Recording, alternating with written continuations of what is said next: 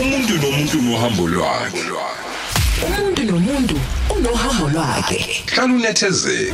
Kulalele nantu uhambo. Ithi ngivele ngibingelelise isihambele sami la kade ngilokhu nginitshela ukuthi sikhona sikhona. Yozuthi hey lo muntu usoqalene nowebuthelezi ukusitshela into engekho uma uthe kuzoba khona umuntu bese vele ngabe bikho manzini sekubingelela. Eh kubengelela mina sokwalisa. eh, wena kamnyama wena kanqingelele Yes. bengelele nabalaleli bokhozi hlelo lakho lasekuseni Ndumiso eh wherever they are. Yebo. Siyabonga manzini kakhulu. Sijabula ukuthi sibe kanye nawe namhlanje sizolalela uhambo lwakho. Eh em- em- esikhathini esedlule sike sakhuluma nawe sizokwenza uhambo lukamandwalane unkosikazi wakho sadlula. Sizobheka impilo yakhe em, ne- ne- ne- ne- ne- ne- ne- nesifo sixwayisa abantu futhi sinikeza abantu nanolwazi em, ngempilo yakhe ngalesiya sikhathi. Yes. And sabonga kakhulu uku- ukuyinikela kwakho mfowethu. Uzo uzo uzosiqwashisa eh, ngalesi yasikhathi kodwa namhlanje cha siyasiyimeme yona insizwa sizokhuluma naye uqobo lwayo impela. Foka manzini simazi kangcono ukuthi uzalwe lapha. Ngiyazi ukuthi ke kuvela into eziningi vele unongoma kuvela umlazi kuvele ngithi ngeke sizwe le ku. Ake ake sewuchithe unongoma. Ke sifake nje eh, mhlambe sithi mahlabathini.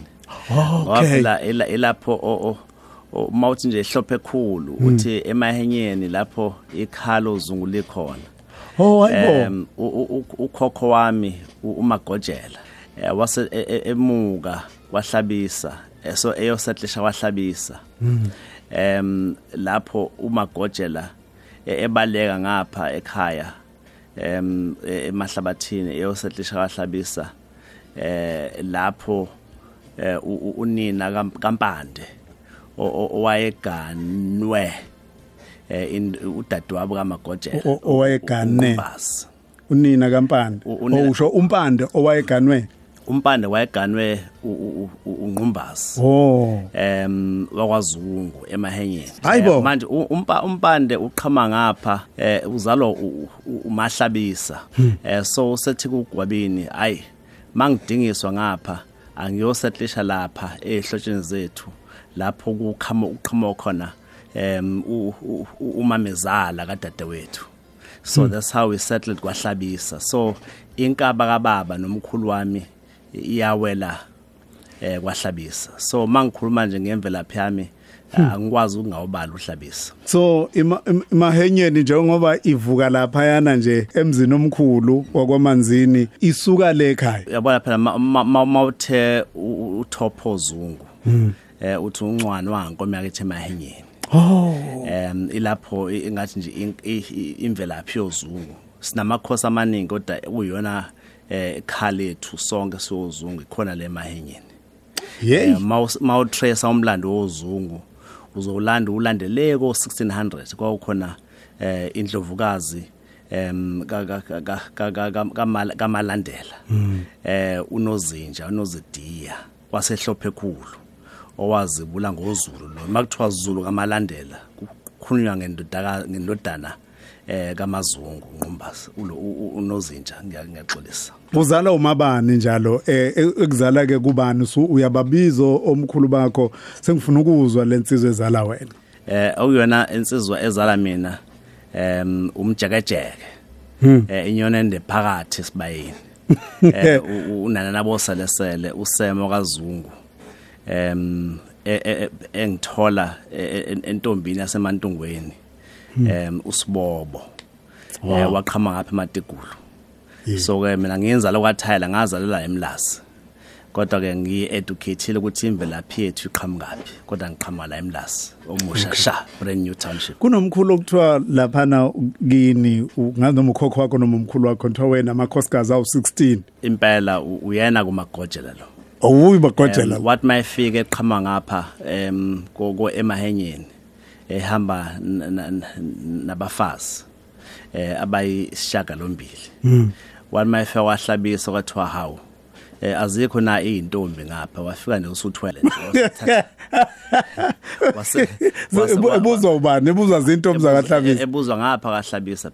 phela ukuthi hawo zikho na intombi ngapha wafika kaHlabisa. usuhamba namakhosikazi ufika namakhosikazi amaningi kangaka em wasethiwa ke eh u- u- ganwa Hawu. eh waseganwa sinemizi nje emibili ngapha ekhaya kuthiwa i- i- ikwazi idwaba zimantwengu emantwengu.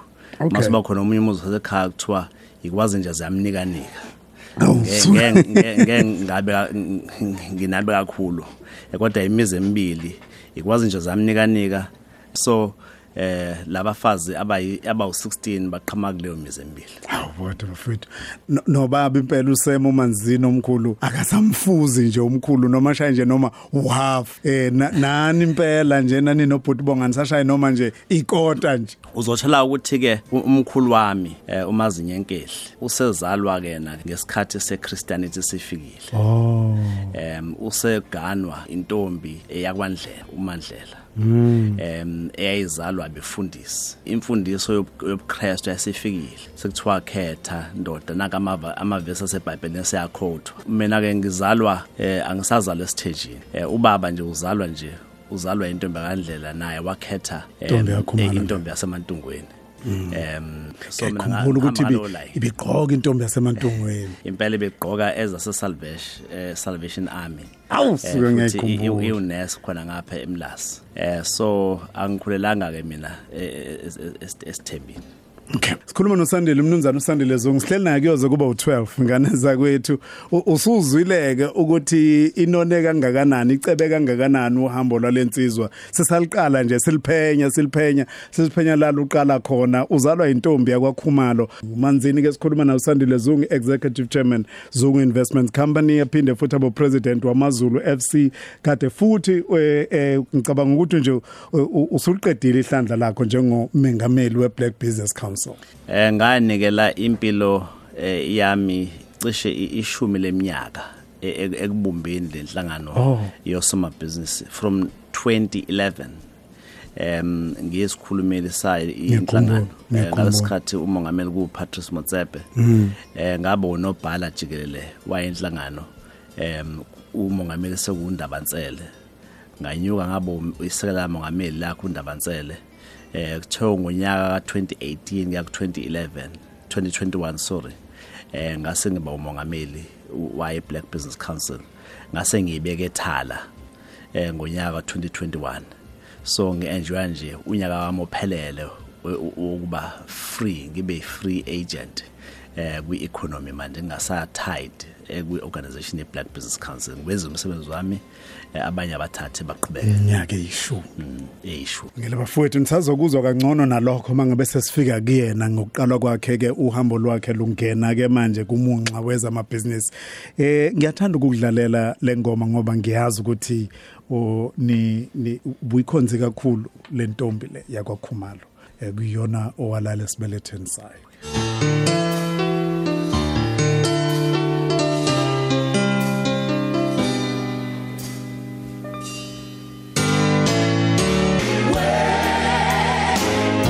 Hloko sale ngoma sithi I remember mama. Sinikeza umama uShelly siza.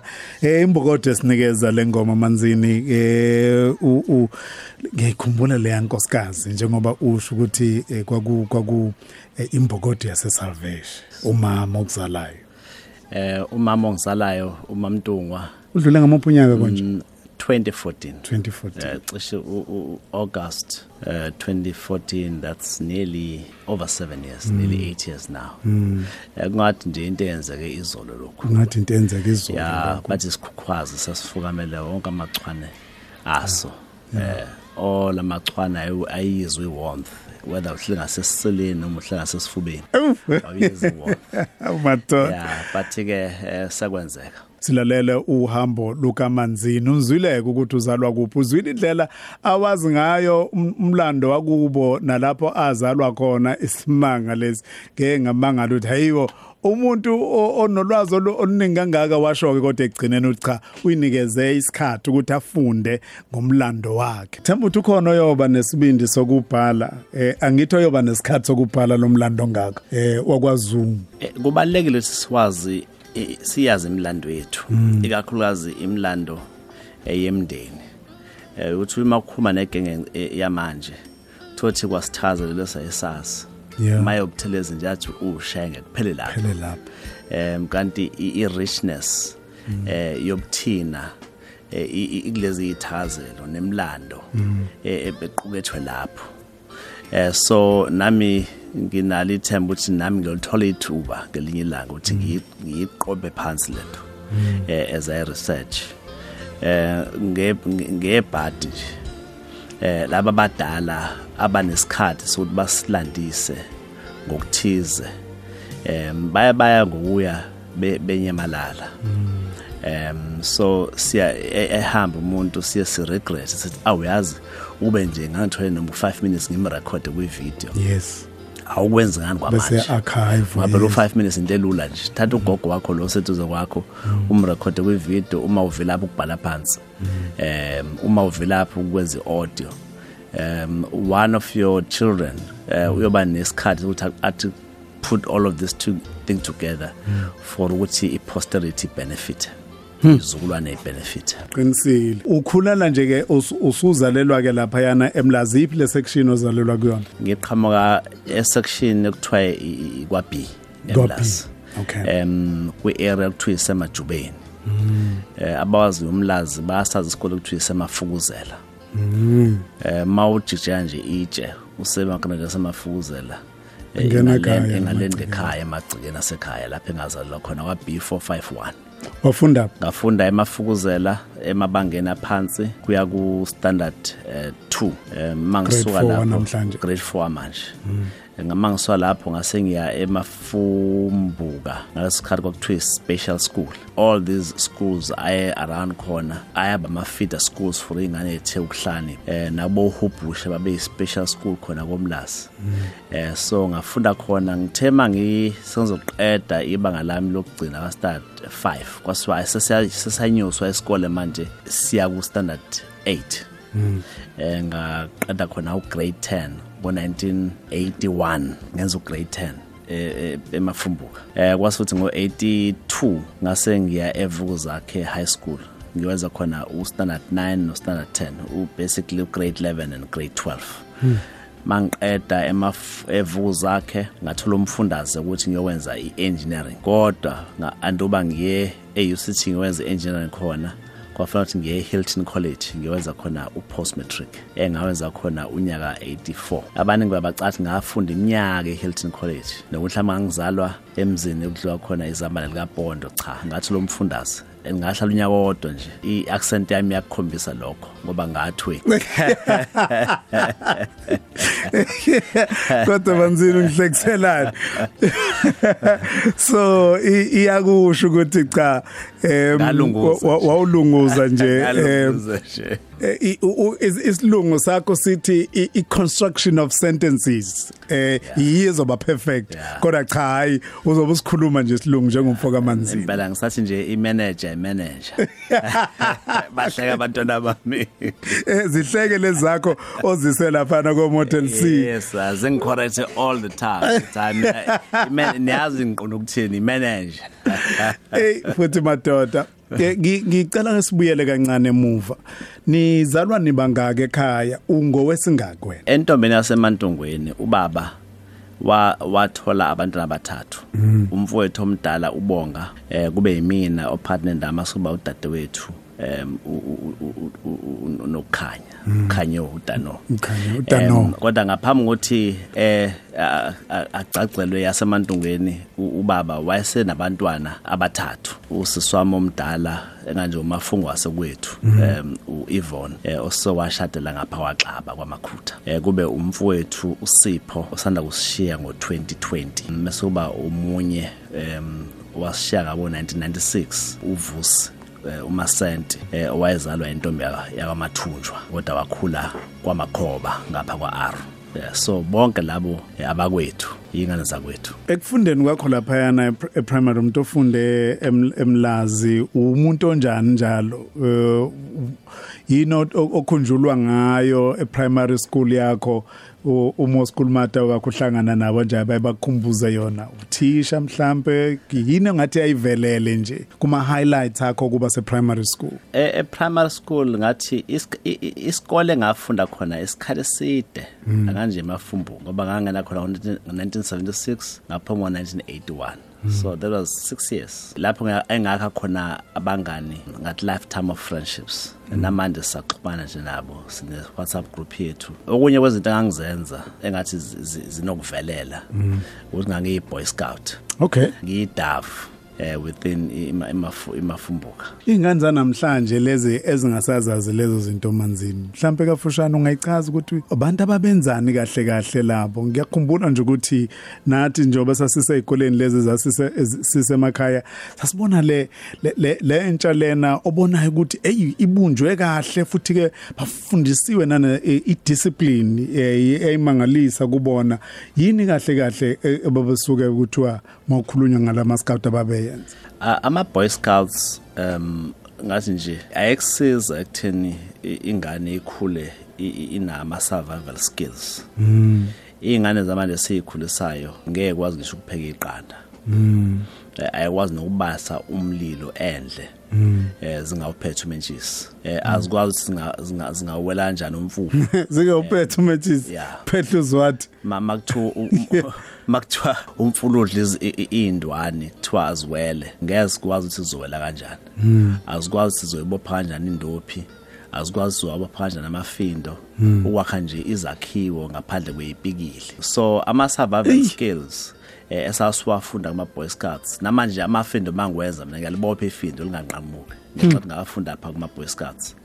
Um ukuyiphatha nje ukuthi uma usakhula uyiwundlu uyikhaba uzobe evulandlela iscout eh wawenza njani? Eh umsebenzi wakho ekhaya ukusiza ekhaya eh kwawinto ebalekile imfundiso sayithola khona lapha kuma boy scouts. Ngathi nje ukuyiphatha njengeinsizwe yesi- ama- ama- amabhungu ngasho ukuthi i- i- influence yama boy scouts yabankulu kakhulu lapha kumina. Nabanye kumantombazane kwakunama ama brownie eh kunama girl guides ukuza kwethu. Nabo futhi ngokunjalo bafundiswa ukuthi intombazane iphatha kanjani eyalekelela ekhaya nezimiselo zasemphakathini zinjani njalo njalo. Ngathi nje ngamafuphi lokho em nangazi kakhulu eh, eh, kulo- mkhakha oba ama boy scouts. Ngi- ngiyasikhumbula leso sikhathi. Angazi kwaphela kanjani noma ngesikhathi singena kuhulumeni omusha bakubona kuyinto engasa engasenaso yini isidingo noma eh mangikhumbula kahle iyagcina isiba ne political attachment yina ngisazi kahle. Kodwa kwakuyinto enhle. Kwaku- kwakuyinto enhle. Ku- kwa- yaba nenkinga i i- boy scout movement international Oh. ngokuthi kube khona i- iy'nsolo zokunubezwa eh kwabantwana abasebancane abafana kakhulukazi.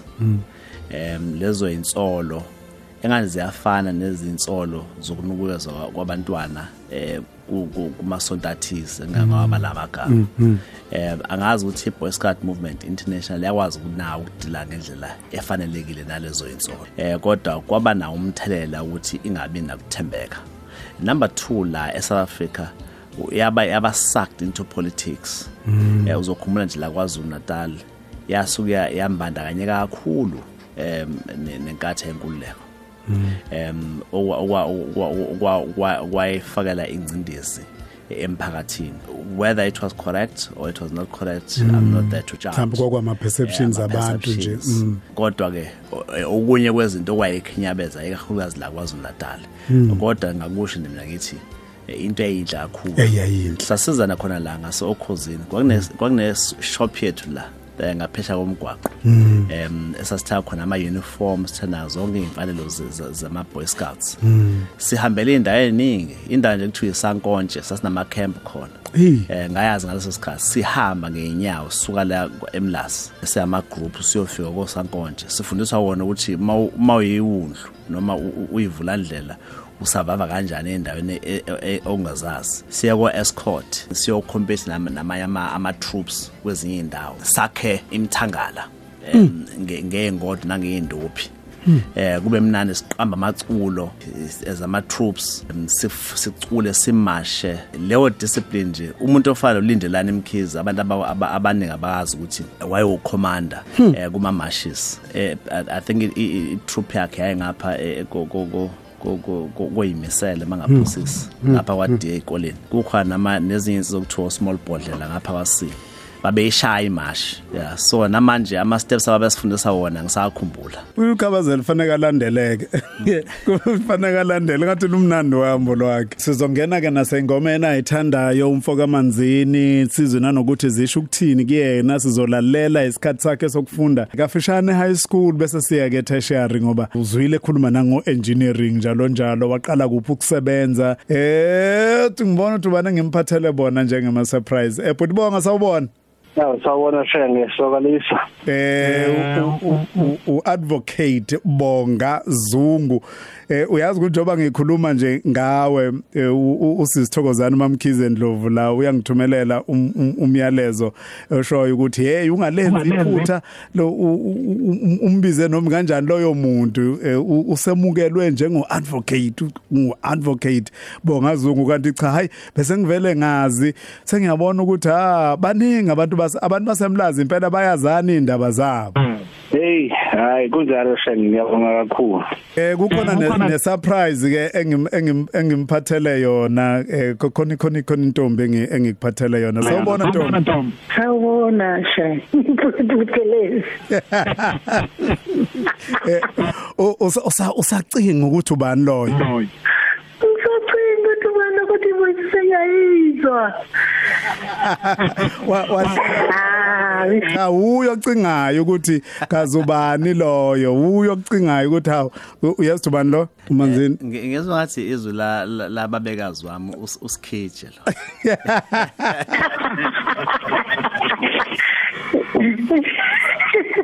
ngiyajabula kakhulu. Ngicela uqala uqala uqala ukuvele ngiqale kuwena ku- kuwe- kuwena babekazi ngoba ngiyazi ukuthi wena um- uma umaze ingane lo muntu. Awu- awu- u- uma umchaza kuthiwa ukumchaza ukuthi wayenjani usandile emnganeni bakho uyawumchaza uthini?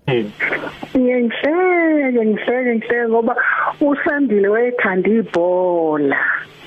Eh thanda kakhulu ukudlala ibhola. Manje ubaba wami umkhulu wakhe umazinyenkeshi wayegula lapha manje kufanele ukuthi bamse clinic bese bemthambisa ke clinic bese bembuyisa futhi bemsekhaya ke emlazi kodwa uma kuyigame kaSandile lokuthi amlande clinic kodwa uzothi fika la bese ethi mkhulu uyabona uzodlula lo muzi nalo muzi nalo muzi. Sengiyakubeka lapha mina sengiphokise ngiyebholeni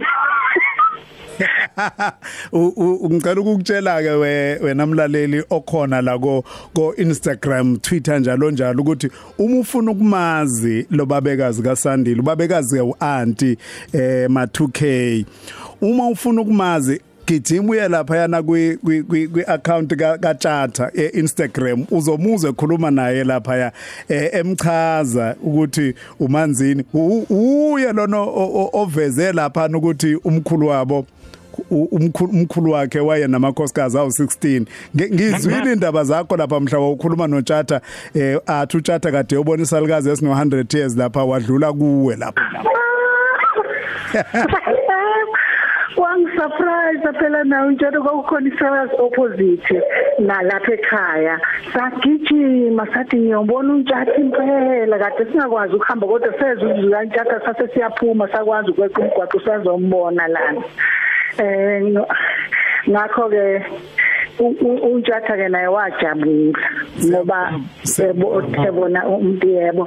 Eh so ke u- u- usandile ke bekumfana nje othanda ibhola njengoba ngisho nje na ekhuleni kakhe kwakhulu wakhulu waza euniversity njengoba ke kuchazela nje na ke. Into yasihlekisayo kumina yangihlekisa bengiyile phesheya bengitshena aba- abazali bami bathi sithe sithi sivala isuitcase kaSandile yavaleka abathesta bathe kanti mase beyikhipha zonke izinto phakathi bathola inkunzi malanga esagila esiya lapha eCape Town University. Hawu sandile isagile sani na? Ingane kuthiwa abafana babelungu bayisa lapha euniversity.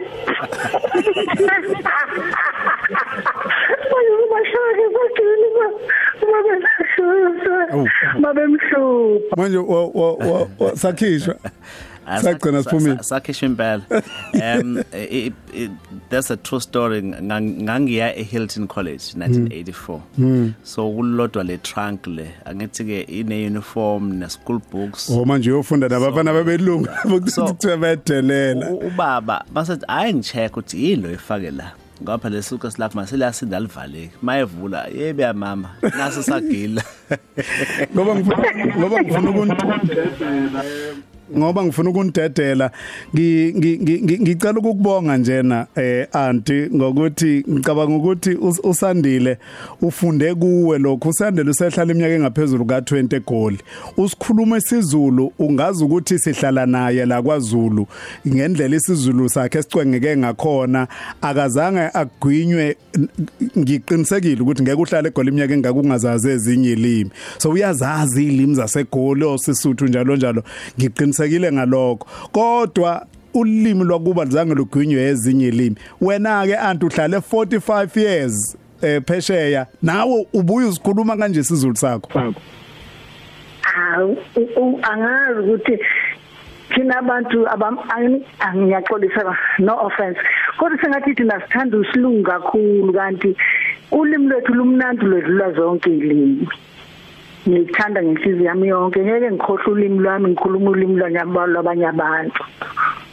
Uyabona ngiyamanga yebo ngiyabonga namhle Ngiyabonga kakhulu anti ngiyakudedela ke eh ngifuna ukusala no no no no nobhutibonga yes eh, advocating nawe kuyafishana siyafisa usichazela ukuthi eh, kuthiwa umuntu angayichaza yena kodwa ngeke aphele ngeke aphelele ukuyichaza engachaziwa abantu abamazi kangcono. Umfowenu wena lona eh, nikhule naye lapha nilwa njengabantu abalamana ngithi ke kuthiwe bayala abantu kuthiwa ungathi niyalamana uma manje kuhlale njalo nihlale niqwebhana kuthiwa ungathi niyalamana kusho ukuthi kuyaziwa nje ku official ukuthi abantu abalamana bayaqwebhana awumchaze umfweni lo uthi umuntu onjani ngempela? Ungamchaza wena eh, u- uthatha sonke iscope sakhe eh, i nature i personality yakhe eh, kungabe sewumfana noma yilokho akhule nakho kwaze kwaba manje.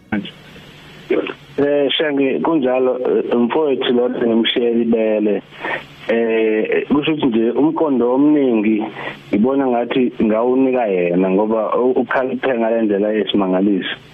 Eh umuntu nje othanda ukwazi izinto eh umuntu one discipline eh, ohloniphayo eh, nabanye abantu eh onenhliziyo evulekile nje ngathi nje big heart. eh o- onamaphupho amakhulu ukuthi noma futhi enze izinto azenze kakhulu is got big stride.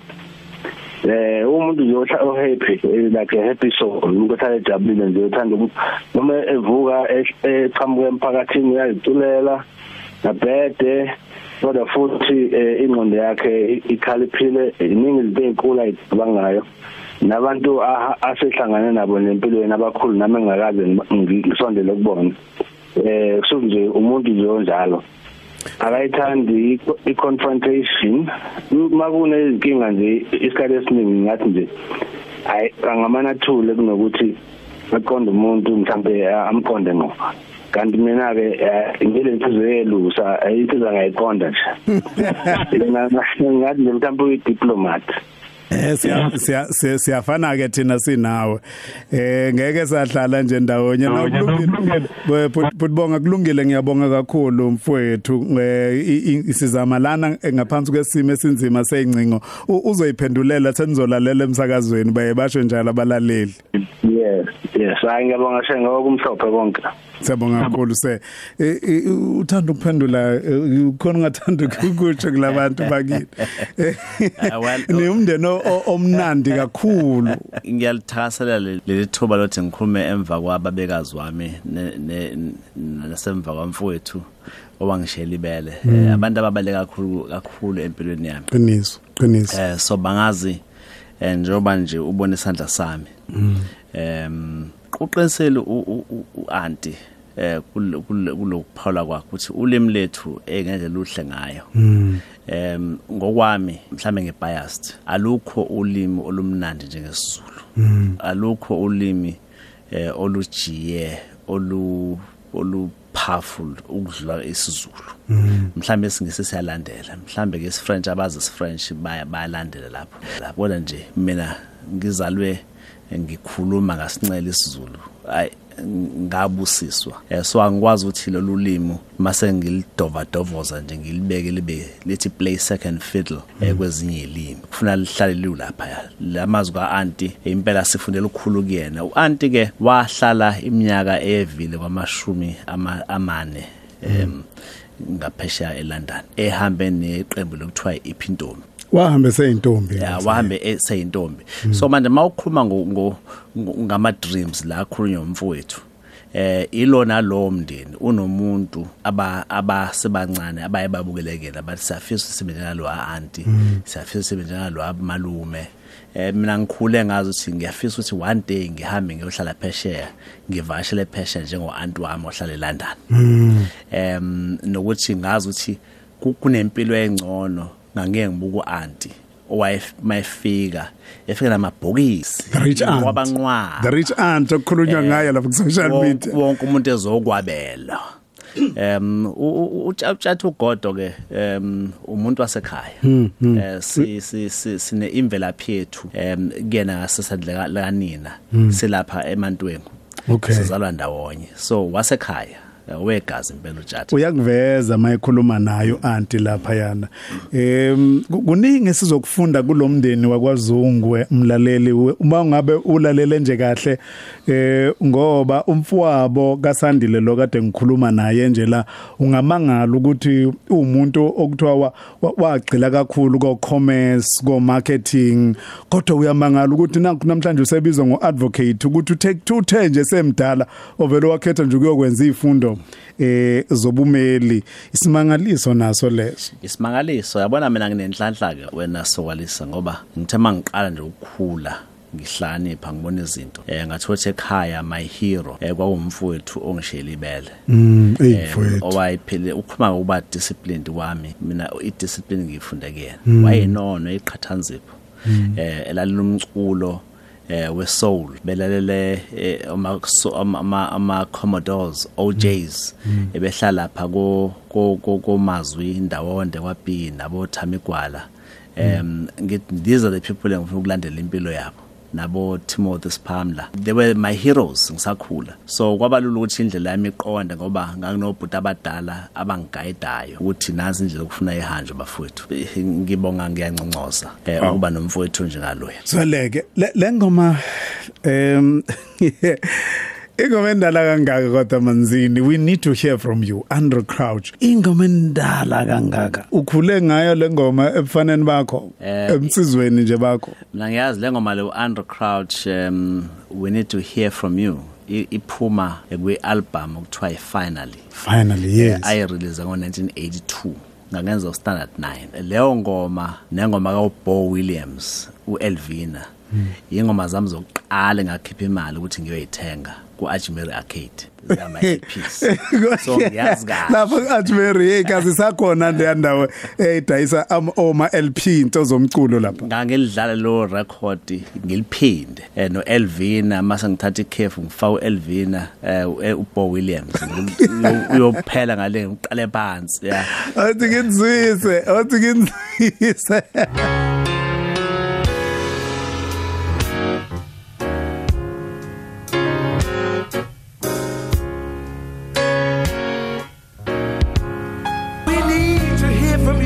uyayibona le ngoma ukuthi u- u- u- u- indlela emnandi ngakho indala abantu aba- abantu abadala ba I'm sure bayayazi u- u- uzandi uzandi khumalo I'm sure uya- uyayazi le ngoma ngoba uya- uyabathanda kakhulu Andrew Crouch laba eh eh laba baculi laba baphesha abanomculo lo. And le- le- lensizwa le ngiyayikhumbula mangabithi soon and very soon icula icula lapha khona lapha icula khona no no no no sisi Winans kuhlangana abakwa Gaither lapha ya. So we need to hear from you. Umyalezo omuhle. Kakhulu. Ngithe mangabe u- u- usinikeza wona ngathi mina i- ithi lento asifunde something kulesi sikhathi kakhulukazi ukuthi siyadinga ukuzwa kuNkulunkulu ukuthi sizophuma kanjani kulesi simo esikuso. Ya i- i- impela mina ke ngakhula emndenini othandazayo. Kuthiwa umndeni othandaza ndawonye. Eh uyophilisana ndawonye. Iqiniso. Eh so noma sengise Cape Town ngangazi ukuthi namhlanje uma usethandazile and eh, uma wami wayengakhohlwa ukuwamention amagama ethu ngamunye ngamunye uthi ngithandazela nomfana usandile eh, ose Cape Town. Eh, akukhumbula ukuthi yini ayele lapha e Cape Town em elibiza igama lenkosi. So ukuthi nami ngi- ngi- ngikhumbula ukuthi em usizo lesiliyovela phi na? Ingalokhu ukuthi lolu kholo ngalincela nemfundiso yabazali bami abangasekho manje eh yagxila enhlizweni lilicula undercrowd um you know we need to hear from you. Cha uthi ngempela ngempela akusi- akuyi ngokuhlakanipha kwethu. Eh uma sibe uNkulunkulu phambili em indla zethu ziyekhanya. Ufunda ezikoleni nje zasemlazi usuthola le le basari uyithola kanjani yona le basari ekugcina ikwenza usufika lapha yana eHilton College? Nakhona ngicabanga ukuthi kwakungeyona into engaba lula ukuthi ungavela uyofunda khona usuyofunda umatric ku- ku- ku- kuyisimanga nakho lokho. Ngapheleleza ikhole ngicabanga ukuthi beze strict ngendlela emangalisayo ukuthi awukwazi ukuvela uqhamuka usuzongena lapha ya Eh, yabona nje ngaqala u- u- u- u- u first year basically grade 1 ngina 4 years eh, 1972 kwaqala ngaleso sikhathi ngoJanuary ngangizoba no 5 ngalo nyaka. Yikho No ngimangalile nje ukuthi hawu wofuna kanjani ngo81 ugrade 10 yenza ukuhlanganisa iminyaka yakuthi cha shona impela. So manje um eh, ngang- nganginesipho nje sokuthi ke um i- emaklasi engafunda kuwona ngangijwayele ukuba kwi-top top 3 eh kakhulukazi maseke lama grade aphezulu Eh, kusho ukuthi ngase ngiyimatured njengomfana. Sengiqala ukwazi yini engenze engiyele esikoleni. So ngisengiphuma nje consistently kwi top 3 eh kwa evuku zakhe nje I was a top uh, maths um, student I was a top science student. Nakhona ngikwenza lokho ngenxa ukuthi ngenza u standard 8 salahlela uthisha wethu. Saka sayayiqeda syllabus ngendlela kuyona yona. Sasimanqekanqeka ukuthi masiya lapha e-high school evuku zakhe siyochuza mapha ama-subjects abanye bethu ababeqhamuka amafumbuka bathi hhayi siyakwa-hist thina.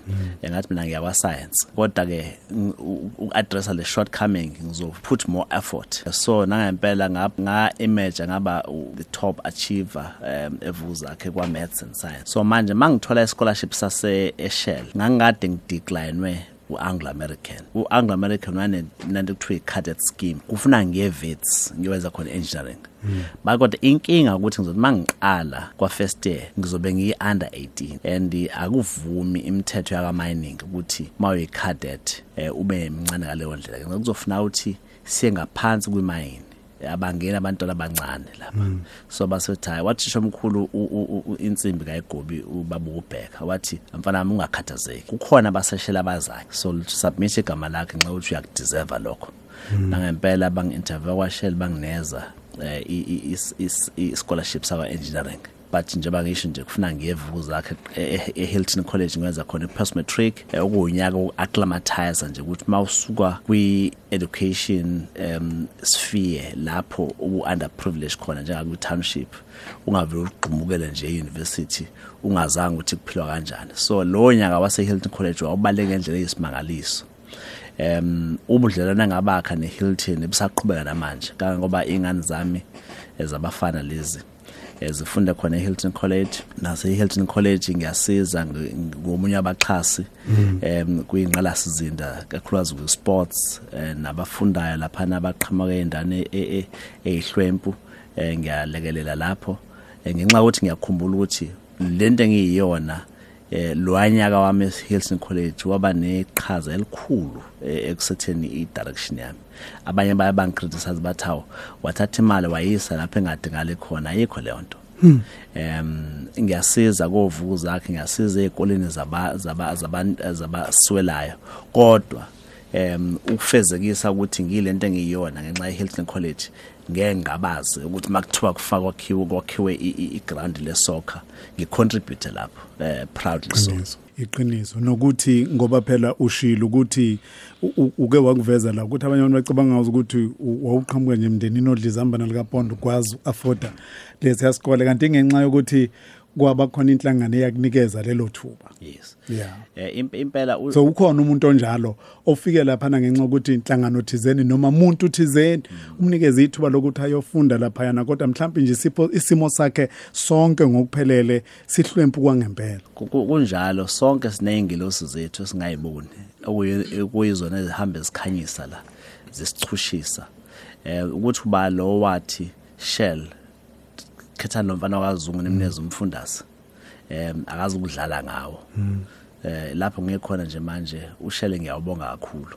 Nami ke angibe ingilosi kwabanye engingabazi qiniso ukuthi mabethi ngiyakudeserve ukuthi ngiyofunda eh zungu awulekelele. Ngithi hayi ngi- ngiyalekelela. Waphasa ke lapha wafika wenza kahle lapha waphasa waya wa- wa- wa- wa- u- u- u- wakwazi ukuphasa nga- ngendlela yokuthi uadmithwe euniversity. Yiphi ke le university oqala kuyona? Eh ngase ngiya e-University of Cape Town. Eh ngiyokwenza khona i-engineering mechanical engineering.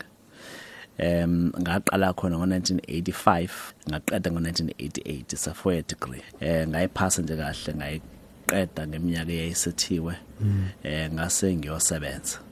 Eh kule minyaka ewu4 ngise Cape Town yayibale kakhulu ngoba number 1 em iapartheid lenqubo nje yencindezelo yayisiqala ukuphelelwa isteam kodwa ke bayasho bathi the last kick of a dying horse tend to be very severe. So yayisigadla iapartheid. Thina lesayibona isiphelelwa amandla sawuzwa em saweza amagalelo ayo. Eh so silapha sasekhaleni la yimpi em yokuqeda incindezelo em so umuntu wayengafundi nje kuphela kodwa nakwezepolitiki wayebukhali. Eh nasekuzameni ukushintsha izimo eh zempilo yethu siyabafundi kakhulukazi abamnyama lapha e-UCT em sasise kwi- kwi- kwi- kwi- kwi- ekhaleni layo leyo yimpi em okuningi sakuzuza. Abafundi abaningi bazofika ku UCT manje bahlala kuma res lapha nalapha beza yonke banawo wonke amalungelo. Abanye bakhohle ukufunda ukuthi aqala phi lamalungelo thina sifela lapha ku UCT ngo85 kuningi sasingavunyelwa ukuthi sikwenze. Kuningi eh, abafundi abamnyama babe ephila eh, ngaphansi kwencindezi yakho. Kodwa salwa sakushintsha. Em siyajabula nje usikubona ukuthi konke sekwalunga manje. Eh noma ngalunganga konke kodwa okuningi sekwalunga. Em partly because of ama efforts ethu. Wayiqeda le degree yakho em, kuso leso simo uyosebenza phi uqala lapho ukusebenza 89 ngase ngiyofunda ngase ngiyosebenza eRichards Bay. Ngisebenzela icompany kuthiwa uRichards Bay Minerals. Nakhona wakufuna ngiye kwaShell kodwa uShell babebaningi kakhulu abafundi ayebaxhasa. Eh engasenayo ishow ukuthi guarantee imisebenzi uma ebaphoqa ukuthi bake be contracted to yena. So basiliberate kulama contracts um ukuthi sichoose icompany esiyifunayo. Mina bangi offerisha umsebenzi bathi bangicela ukuthi ngiyosebenzela imine okuthiwa iEmelo eh coal mine. Ngathi ngiyabonga. Angilungele ukuthi ngiyosebenza emayini ngicabanga ukuthi ngiyosebenza eduzane kwasekhaya uRBM wangineza ioffer engangingo eh, eh, which I could not refuse. Yayinhle leli lesimangaliso Wa- wathi uzongikhokhela u2700 rand ngenyanga. Compare that to 2400 rands ngenyanga ngangizothola kwaShell ngathi awu 301 rand wonke more than 10% 2700 ngenyanga. Mm. eh that was 1989 ngama ngawasebenza Richards Bay Minerals. Eh ungayihleka manje. Igrosa yayiphelela yonke ngo90 rand.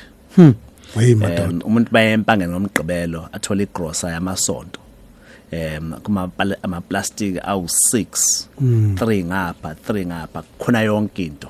Stock ifridge ligcwale ibuying power iyerand ngaleso sikhathi. Inflation em isiyayimosha manje. Ikho nje inflation ngesiyona into abantu akufuna bayi- bayithande ngoba iye- iyayi destroy ibuying power ye-currency yethu. Eh, ngasebenza ke e- e- e-Richards Bay Minerals ngiyi-trainee engineer ngasebenza emayini ngaya ko-mineral separation plant ngaya ko-smelter ngahamba nje Eh, waphela unyaka nohafu. Ngase ngishiya ngeza eThekwini ngisebenza khona u-engine refinery ngaso sikhathi kwakuthiwa ugenref genco refinery hey kanti usebenzile-ke la kwazulu? Wasebenza isikhathi esingakanani khona? Ngasebenza kwa-engine u-two and a half years. Mm. um ngaqala ukusebenza khona ngo-1990 uh, june. Ngahamba sengiyosebenza egoli ngonovemba ka-two ka-1992 uya kuphi lapha egoli? Yosebenza ikhama lokuthiwa unational sorghum breweries mm. eyayiphethwe isikhondla khondla ingcithabuchopho um mm. uprofessor mohale mahanyele. Hayi ngiyamkhumbula. Um lo nyaka loyo wawubale kakhulu empilweni yami. Ngenxa yokuthi ngisuka e-UCT ngasebenza e-Richards Bay Minerals ngasebenza e-Engine Refinery ngasikhathi kwathiwa i-Genref yashintshwa kuthiwa i-Engine ngesikhathi sami. Em ngase ngiqala ukugive up wena sokwalisa ukuthi hey lento engangiyifundele angiyizwa kahle ngoba ngangabuthandi umnjiniyela to be very honest eh sengimotha akufuna ngishintshe manje eh kodwa futhi nal- nalokuthanda kwami umzabalazo wa- ngase ngiqala ukushayeka manje ngenxa yokuthi ngibona into ayishintshi ngendlela efast manje qhamela insizwa le kamahola yamohala mahanyela ikhuluma ngo black empowerment um black economic empowerment. Ikhuluma ku TV ithi abantu abathenga ama shares ase National Sorghum Breweries. Eh inkampani ephethe abantu abamnyama eh imanage abantu abamnyama eh abantu abamnyama. Ngithi hayi ngiyaqala ukuyizwa mina lento inandi iphupho lami li- lenzeka phambi kwami. Ngiyafuna ukuyosebenza le kampani yeah so umfowethu u- ubheka ilanga em ngaleso sikhathi eh esenjezelwa umfowethu okuthiwa uthuthuka ngobese em esikhathi sisebenza naye la e- e- e- e-refinery wasethi zungu wozosebenza egoli eh wangiphendlela indlela ngenza ama interviews bangithatha ngaqala ukusebenza e-National Sorghum Breweries ngoNovember 1992 um ngasebenza khona for isikhathi singesi- singekho side kakhulu cishe nje kwaba unyaka nohafu ngase ngiyosebenzela u- u- u- SA Breweries um nakhona isikhathi singesi- esingenganani ngoba ngase ngi-acceptiwe e-UCT ukuthi ngiyokwenza khona i-MBA sengiyitshele ukuthi ngiyashiya kwa-engineering um le experience enginayo ye- ye ye plant maintenance ne projects um management yanele. Ngifuna ukushintsha manje ngekomunye umkhakha. Ngokwami ngangiyitshela ukuthi ngiyoshintsha ngiyakwa marketing mangifika lapha e-UCT sengenza i-MBA khona eh nga nga- I fell in love. Ne finance um ngenza khona i-MBA specializing in international marketing and and finance. Um mangiqeda lapho um ngangenza khona i-thesis yami. Ngathi ngiyo-interviewer uDr. Ntatho Motlana.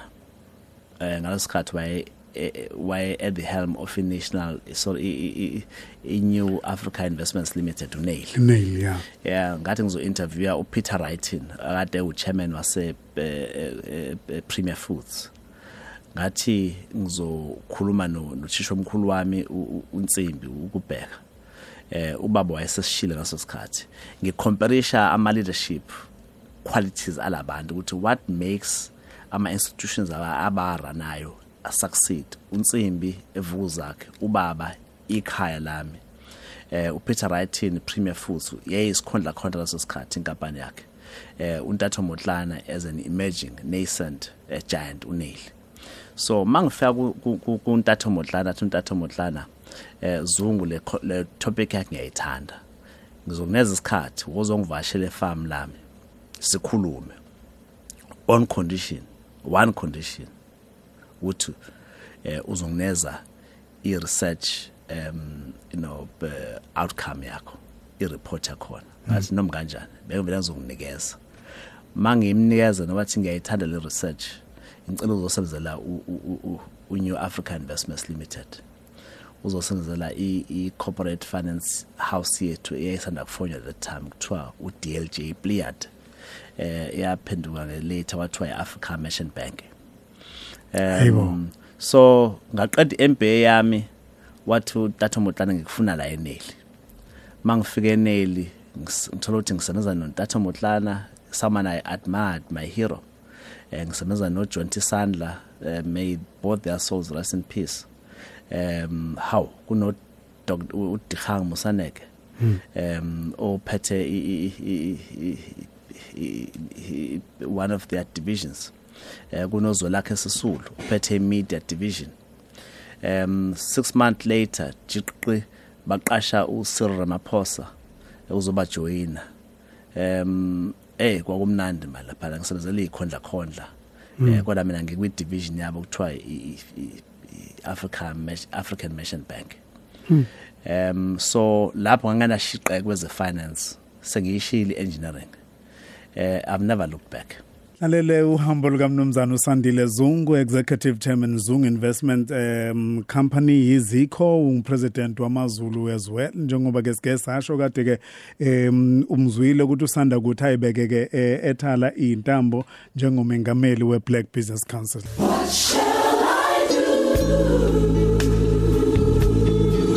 Umukhuluma ngomuntu onendlebe yokukwazi yokulalela uhlobo lomculo odeep. Lensi lesisambele enkuluma naso. Namhlanje Truman Hawkins what shall I do? Enye ingoma zakho leyo le ngoma le uthi mawelalele sokwalisa awukwazi u- ukungajuli about iphilosophy em yempilo oyiphilayo. Yeah Ah, awukwazi ungawazi ukuyibuza ukuthi eh, abazali bami baphi? Em uphi uNkulunkulu wami? Em siphi sizwe engiphila ngaphansi kwaso? Eh ihumanity Eyi. le engidefine as part of as a homo sapien ibhekephi. So umculo nje o deep kakhulukazi lo engiyethanda ukuthi ngiwulalele ngoba umqondo uyawuqeqesha. La kwi-nail uphuma ke manje u- usushilo ukuthi usebenza isikhathi esingakanani waphuma wabhekaphi kwanele ngazuza kakhulu. Um ngise African Mission Bank lapha ngayithola ngiadvise kuma transactions engathi ama epic transactions awuyona a define i-black economic empowerment. Yabona nje uma abantu abamnyama benza i-consortium kuthiwa National Empowerment Consortium eyathenga uJonick from Anglo American I was an advisor lapha. Eh abantu engangiba advisor ophuthuma Nhleko o Irene Chan o Professor Wiseman Nkulu o Patrice Motsepe o Mashudu Ramano o Don Ncube ko Real Africa Investments Limited o Dynamo eh, u u Dr Oscar Dlomo eh, nabanye. Eh ngaba ne- ne- ne- nenhlanhla nje ukuthi as an advisor kulowo nyaka no half ngabimitha bonke labantu engangibabukela kuda. Ngibabuka njengekhondla khondla ngibahlonipha. Eh iningi labo ngakwazi ukuthi ngakhe ubuhlobo nabo at a personal level. Eh kuthe ngo 19 ngo ngo 1997 ngase ngicelwa yinyunyana okuthiwa i-South African Railway and Harbour Workers Union uSARU osuwa collapse wa major namanye wathiwa manje i-Transport and General Workers um so isathawu um so bangicela ukuthi angizobafomela inkampani yabo ngoba bafuna ukungena kwezamabhizinisi. Ngayirun leyo company for almost 4 years. Ngo 2002 ngathi angiyimele ngekhampani yami ngifoma uzungu investments company. Eh sesina 20 years manje. Awume ngaphambi kokuthi ufike lapha yami uke wadlula kaDaniel angithi? Ye oh no kuthe ngo- eh, ngo- ngonyaka 2001 ngase ngicelwa uhulumeni eh ukuthi kunenkampani lokuthiwa uDinel eh, ekhiqiza ikhali for izwe la South Africa eh bacela ukuthi ngiyoba usihlalo wayo non executive chairman eh so angizange ngisebenze khona full Full time. time, yeah. kodwa ngu non executive chairman Ko- abantu abaziyo ukuthi uma u chairman we parastatal kufanele ukuthi u full time khona ngoba ngangispenda 3 days in a week. Wamanse umsebenzi wami ngibhekele icompany yomphakathi engikhola ukuthi nga- nga- nga- ngayiphatha ngobukhulu ubuqotho lobu. Eh nami nginuka ngaphansi kwamakhwapha angi- angithola iphunga. Eh ngaleminyaka yami ewu5 engawuspenda ngiwuchairman waseDinel yadlondlobala icompany senza i- kule minyaka ewu5 eh science profit eh kweminye yayo. Eh safoma ama partnerships namakhampani ako German nako France ngaleso sikhathi. Sadayisa ikhala emazweni angaphesheya ngangoda lamagama awo. Nobudlelwano bethu ne-SANDF badlondlobala eh, ngaleso sikhathi. Eh, ngiyayiqhenya ngalelo qha ngeqhaza engaliba engalidlala ne- engalibamba ngaleso sikhathi. Lo minyaka kodwa ngangu non executive chairman. Um so naleso sikhathi naleso sikhathi ngiqashwa nje ngina 34 years ukuba uchairman waseDinel 34 years. Omunye uyasho ukuthi unomongameli ngaleso sikhathi uThabo Mbeki. Wathi mayebuza Thabo wathatha umfana omncane omenza uchairman wathi komunye owayekhona lapho kwicabinet wathi wena waqasha uMandela uneminyaka emingaki um so Hey, ngiya- Matho. ngiya- ngiyathoza lawo mazwi akuthiwa akhishwa umongameli umbeki ngoba waye affirma i-youth ngaso sikhathi. Wathi yes he may be young 34 but ukulungele lokhu. Yeah, angizange disappoint Wow. A- Asiphothule eh, manzini. Uqala manje uzungu investment company. Ngiyazi ukuthi abalaleli ngiba ngibakweleta ngoba ngingithi asikwazi ukukhuluma ngohambo lwakho lwebusiness em silu siluka nje phezulu ke ngithi umuntu osuke ekwaze ukuachieve kangako ebusinessini sidinga ukuhamba naye sizolibuka lolo hambo Nga- lo ngabathembisa uvusa ithembe kwayo ukuthi uyobuya azositshela ukuthi ngohambo lwakhe lwebhizinisi ke manje. Sinikeze nama tools ama tools and tips eh umamkhize u- u- u- uSean naye ngathembisa kade ngithembisa nje u- u- ukhambule last week. So ngiyakuthembisa nawe ukuthi uzobuya ngoba ngiyazi ukuthi uzungu investment company ubanzi ngiyakhumbula kwaba khona oVangard and so on kodwa sixoxele kafishane ngokuqala kwecompany yakho. Ngo-2002 ngayiqala ikhampani uzungu investments company zikho. Um ngasho ngithi ngangenalutho eh, sokwalisa ngoba eh, ngangine overdraft facility engangiyifanda ngayo operation. Um bathi ngesingisi ngayiqala ne shoestring budget. Eh, ngafama ama joint ventures nama companies ako cleaning efana no Supercare kumanje leyo company uzungu investments company eh isi isizinze kuma sectors afana nako mining izinze kuma sectors afana nako financial services you know be- school books publishing eh icompany nje efana no shooter and shooter eh publisher inkizela semgungundlovu inkampani engaphansi kwazikho leyo.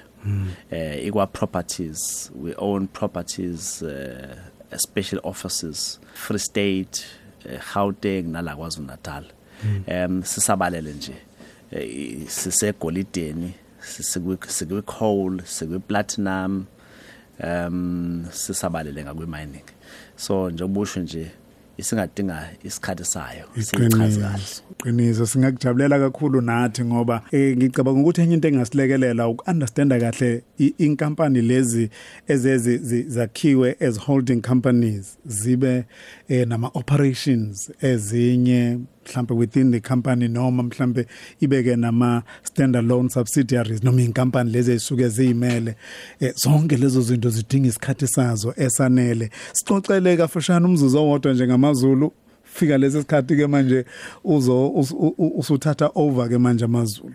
Um mangikhuluma ngosuthu olumabhesha nkonyona ehlazana emabuna bulawe umalambali ibhanji nenkinobho zalo Eh, ngivukela usinga ngoba manje em kwaba i-investment engayenza eh mahlayeni. Mahlayeni kodwa ngangade ngifisa ukuthi ngiyenze ngoba i social return yale investment not financial return social return is huge. Enganje i- idlula wonke lama investments amanye eh, eng- engikhuluma ngawo. Em amanye aphahlaze ematsheni saluza imali enkulu. Em business linjalo. linjalo ibhizinisi futhi ngikusho lo ngiyiqhenye ukuthi eh kwamanye sazama sahluleka eh so umuntu acabanga ukuthi konke ku rose kuyahlulekwa la kwebusiness kodwa mawuphophele phambili eh amas- ama- amehlo akho ungasusi lapho uya ngakhona. So usuthu sil- silithathe ngo 2020 eh, in the middle of covid. Eh abaningi bayazi ukuthi silithathile usuthu salibeka kwi position 2 last season. Usuthu lidlale kwi-CAF Champions League for the first time seloku labunjwa ngo1932 um manje sisemgqigqweni ukuthi sibuyele kwi-top 8 singene shiqe kwi-top 4 eh ngiyathemba ukuthi lo phupho lethu luzokwazi ukuthi lifezeke kuyona le season. Um siney'imbophelelo ey'nkulu ney'njongo ey'nkulu ngosuthu lomabhesha nkona akusolo iqembu lethu leli. Iqembu lesizwe. Salusuba mema ke manzini 30 seconds beze enkundleni namhlanje. Sidlala eChatsworth sidlala ne nekamama nekamama Mkhize eh uSean eh, into intokazi enhle ngendlela eyisimangaliso inanhliziyo yayo. Eh, kodwa soyishayela ekhaya soyishaya phambi kwabazali bayo sithi uyaganga wena. So sayethela ngompetshisi namhlanje lapha eChatsworth bafowethu. Uyabuya usandile bafowethu sizo sizo sizombuyisa ngiyakuthembisa. Eh sinikeze usuku nje oluseduzane emanzini. Eh siphinde sibuye sizoyicoca kahle nawe. Buya kodwa fast sizo eh, kusashisa nje. Eh sizoyicoca kahle. Mhla wangimema sokwalisa ngiyos- ngiyosabela. Eh abalaleli bokhozi ngibakhonza ngendlela eyisimangaliso. Neqhaza elidlalwa ukhozi empilweni nasemphakathini wethu kufanele lesekelwe. So ngiyathokoza nje ukuthi ungimemile ukuthi ngibe la namhlanje. Ngile mfowethu sabonga kakhulu manzini uzophinda buye bafowethu. Ngiyazi kuningi mina sengingafisa ukuthi eh nikwazi ngaye. Ngizonikeza ne-email mhlambe ngesonto elizayo. Ningakuthumela amakhona enthanda ukuphawula nemibuzo umuntu nomuntu nohambo lwakhe. Umuntu nomuntu unohambo lwakhe. Hlala unethezeke ulalele nantu uhambo.